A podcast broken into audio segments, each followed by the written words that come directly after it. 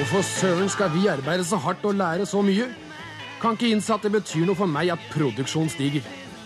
Sånne ting som hus og hage og landsted og greier er ikke jeg interessert i. Jeg skal ikke bli til noe. Fare for narkotikaepidemier i mange norske ungdomsmiljø. Bander med djevelsk innsikt i ungdommens usikkerhet på ferde. Ungdomskriminaliteten øker i takt med velstanden. Aldersgruppen 12 til 14 år den mest kriminelle i vårt samfunn.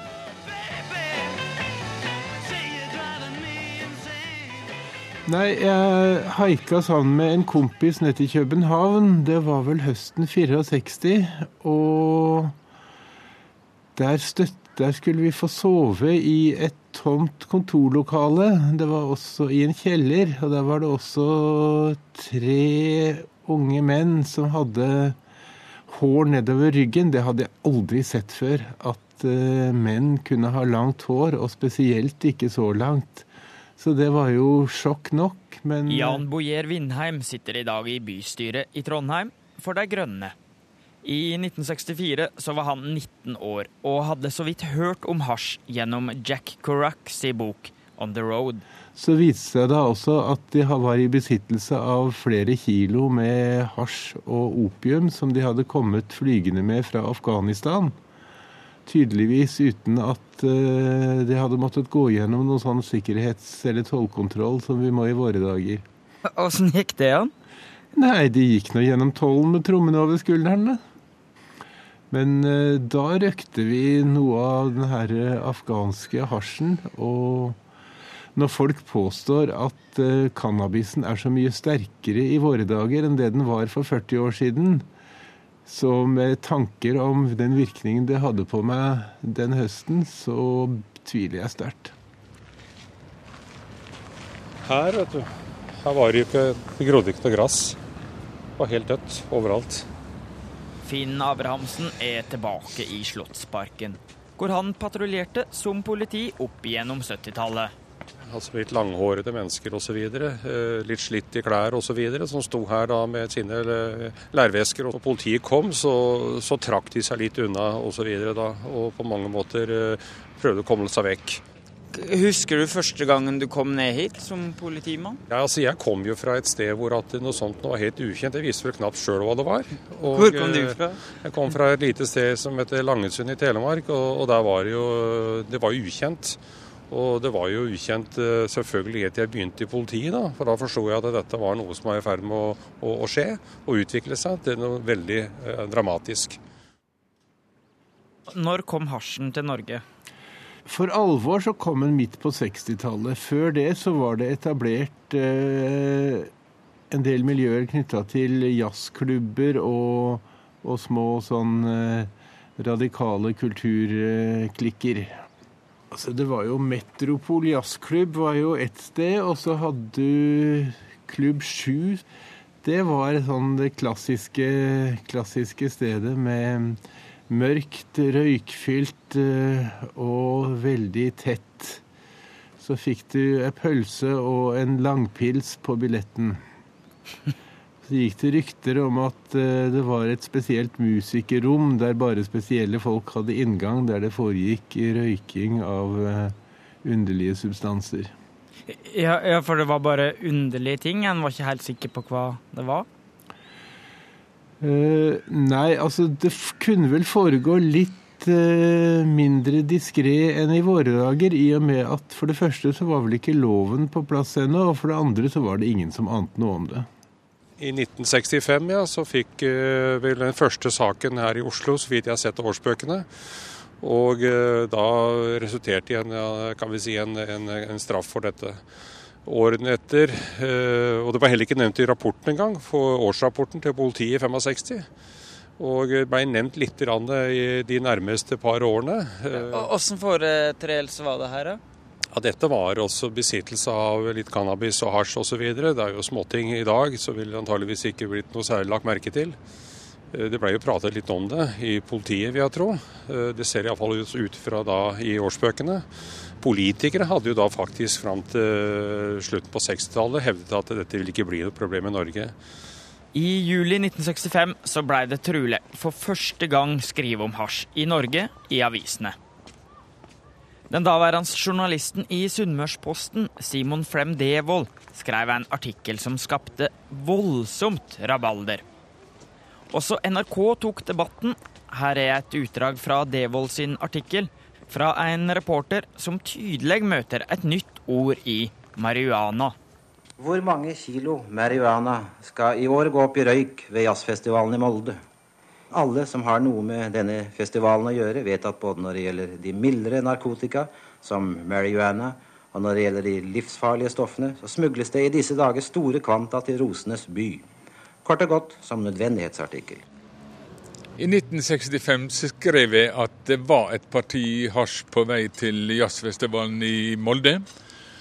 Og det ble det et forferdelig spetakkel av, for hasj fantes ikke i Norge, det visste alle. Og jeg ble angrepet av eh, statsråd, justisminister, helsevesen og politi, tollvesen. Alle var overbevist om at dette fantes ikke. Det var, det var såpass at til og med justisministeren hakka på deg? Ja, hun sto frem i, i fjernsynet og um, erklærte at dette var fullstendig feil. Hva var bakgrunnen for at du skrev den artikkelen? Det, det, var fordi jeg syntes uh, narkotika i det hele var en veldig farlig ting, som var nokså ukjent i Norge, og som jeg visste jazzmiljøet rundt om i verden var ganske fullt av. Og mm, jeg visste jo også at uh, ikke bare hasj, men andre ting var i bruk her i landet. Men den gangen var det sagt veldig klart, særlig fra helseministeren, at uh, bruk av narkotiske stoff det var kun ene og alene eh, av helsepersonell som fikk fatt i sånt stoff på sykehuset. Altså De første åra var det vel sånn at folk eh, haika til utlandet, til London, til København, til Stockholm, og hadde med seg små mengder hjem. Så før det ble noe organisert distribusjon, sånn som Ingvar Ambjørnsen skriver om i, i, i boka si, så tok det nok litt tid. Det var uh, uorganisert og spontant og små mengder som ble spredd blant venner til å begynne med. Men det som skjedde på slutten av 60-tallet, var jo at det oppsto nye ungdomsmiljøer med mye bredere uh, Mye større uh, ungdomsmiljøer. Og først så ble det jo kalt for mods, altså ungdom med stort sett mørke, truende klær og langt hår på guttene og korte skjørt og masse sminke på jentene, som samla seg forskjellige steder. I Oslo så var det først og fremst i eh, en klubb eh, som het Hit Cavern, og, og etter hvert også i Slottsparken. Og etter hvert så gikk det opp for eh, de som var i disse miljøene, at deres store helter, Beatles, Rolling Stones, Animals, Kinks eh, og alle de her, faktisk eh, røkte hasj.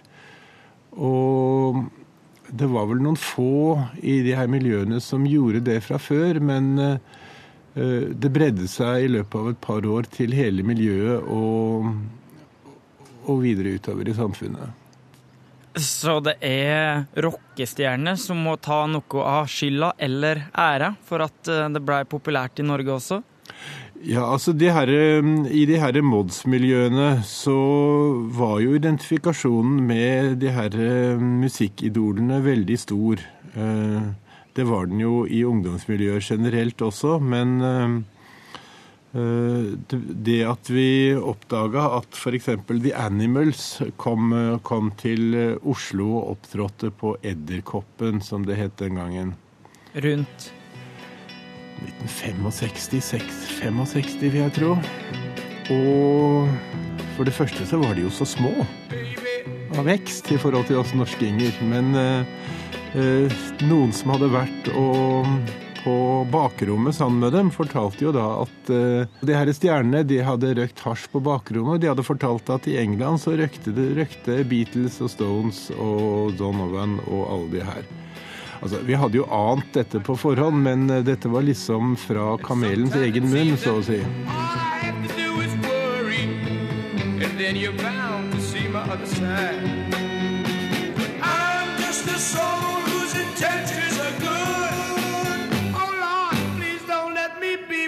Si meg, hvorfor er du egentlig med i denne gjengen? Hvorfor endte det er ikke noe annet sted å være? og Ja, men Syns du det er riktig at dere skal holde til på, på offentlig torv når det skal være for dere sjøl? Vi har ikke andre steder å gå, og ingen vil bygge for oss, og, så folk får finne seg i at vi er på torvet. Hvor gammel er du egentlig? 16. Er du gift? Nei. Har du fast arbeid? Nei, det passer ikke for meg. Men eh, hvordan kan du da klare deg økonomisk? Gammelen vil ikke se meg, sier han, men når jeg er blakk, så får jeg en femmer likevel. Ellers tjener vi jo litt her og der. Får noen kroner uh, av en kjekk kar og sånn. Er det mye seksuell kontakt i det, denne gjengen deres? En gang imellom kanskje, men ikke verre enn andre steder. Drikker dere mye? Litt hver dag. Noen flasker øl en gang iblant. Og så hender det jo at typen spanderer litt fine varer på oss. Og dette var jo vel kjent gjennom f.eks. media. At hvis du ville røyke hasj, så måtte du gå opp i Slottsparken. Sånn at eh, når vi satt i Slottsparken og koste oss, så var det jo en jevn strøm av eh, det vi kalte for turister. Eh, eller streitinger. Harry, Harry og Doris kom på tur til Slottsparken, og når de hadde fått tilstrekkelig mange halvlitere innabords, så våga de å spørre de rare hippiene om uh, hvordan det var med hasj. Altså, Jeg, jeg tror ikke det var eh, store samtaleevner egentlig heller blant politifolk, men de forsto jo dette her, de som hadde begynt å følge med på dette her, at dette ville kunne bli et, et problem. Ja, for når du begynte i politiet i 71, så var det ikke noe politiavsnitt som drev med narko? Nei, det var ikke det. Det var ikke det overhodet. Og eh, det var én, kanskje opptil fire mann etter hvert som drev med det. Og så laget de noe som het narkotikaavsnitt med begynnelsen av 70-tallet. Eh, Det som vi så på mange måter slutten på den gangen, det var jo eh, dette med, med løsgjengerne osv. Som hadde vært en eksplosjon etter krigen i forbindelse med mye sjøfolk og så videre som gikk i byen her. Og, og som var egentlig det som var hovedproblemet på den tida der. altså. Uh, alkoholiserte uh, gamle krigsseilere som gikk i byen her. Ganske mye av dem. Og, og, og de var, det var det som vi den gangen uh, stort sett konsentrerte oss om. Å kjøre den fylla inn i arresten osv. Uh, og, og som var et stort antall. Åssen kunne det se ut en, en solfylt sommerdag i Slottsparken 1968? Ja, i 1968 Nei, det var vel Hvis været var godt, så satt nå kanskje et par hundre mennesker. Noen spilte gitarer, noen satt uh, og gjorde lekser. Noen satt uh, kanskje og røkte et eller annet. Og noen spilte ball. Det var da en, en vanlig piknikdag. Hvis ikke gardister eller politifolk kom for å bryte opp forsamlingen. Hadde dekkan peiling på hva de drev med da? Vi forsto jo dette da allerede, at det var eh, kan vi si, pushing eller eh, omsetning av stoff som foregikk. Og det foregikk da konstant hele tida på den tida allerede. Og det var jo selvfølgelig noen da som tjente penger på dette på den tida også. Eh, Vi fant fort ut av det. Og, og omsetningen gikk jo da livlig. Men så var det jo selvfølgelig her var det en god plass å være, for god utkikk i forhold til å observere når politiet kom osv. Så, videre. så de fikk jo tid da til å, å rusle det vekk. Men etter hvert så ble jo politiet også dyktigere. Man hadde da eh, noen enkle spaningsenheter osv. som begynte å kikke litt på dette her etter hvert. Fra før så hadde vi noe som heter eh, kan vi si gaukepatruljer. Eh, Og de gaukepatruljene det var de som spanet på dem som drev og omsatte sprit. Og, og de hadde jo bygd opp en litt erfaring i hvert fall i forhold til det. Så jeg vil jo tro også at man da begynte å tenke sånn i den retning her også, opp mot dette, uten at vi kalte det for gauking. Rundt 1966-67 så begynte media å fortelle om hippiene i USA, og, og da tok ordet hippie over. Det hadde også noe med et skifte i utseende. Altså Modsen var eh, mer sånn skinnjakke, jeans, eh, eh, beatnik, svart høyhalsa genser-opplegg. Men hippiene var liksom fargerike skjorter og lange kjoler på jentene, utslått hår, pannebånd, perlekjeder osv., osv., som egentlig hadde vært utenkelig både for Mods og beatniks noen få år tidligere. Rolf er også en ung mann som vi mm, kan eh, si er beatnik i Oslo. Hvordan innordner du livet ditt, Rolf? Mange vil si litt upraktisk. Men forsøker å leve så at jeg får fullt utbytte av det. I sommer og i høst har jeg f.eks. ikke hatt noe fast sted å bo. Jeg har overnattet og holdt på å si overlevet på de underligste måter, både her i Oslo, i Danmark og i Sverige. Men hvordan går det med studiene dine når du ikke har noen sted å bo? Du studerer filosofi. De er overhodet ikke avhengig av annet enn at man har en bok og et sted å lese på et bestemt øyeblikk. Således har jeg ofte lest f.eks. Aristoteles på gresk, på restauranter, på ventesaler og hvor som helst ellers hvor andre bare leser ukeblader og aviser. En del av ditt miljø er narkotika. I hvor stor grad har du vært borti det?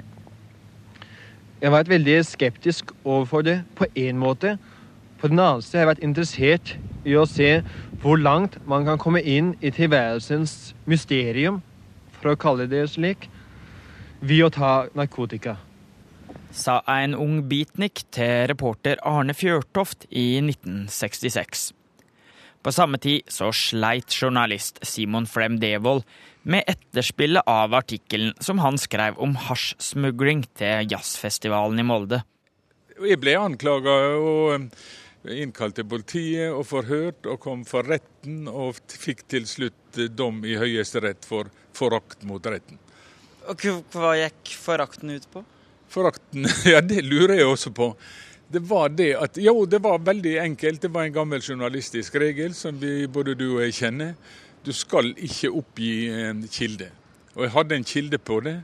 Og den kilden var det en annen som oppga. og Politiet prøvde ikke å finne kilden i det hele tatt.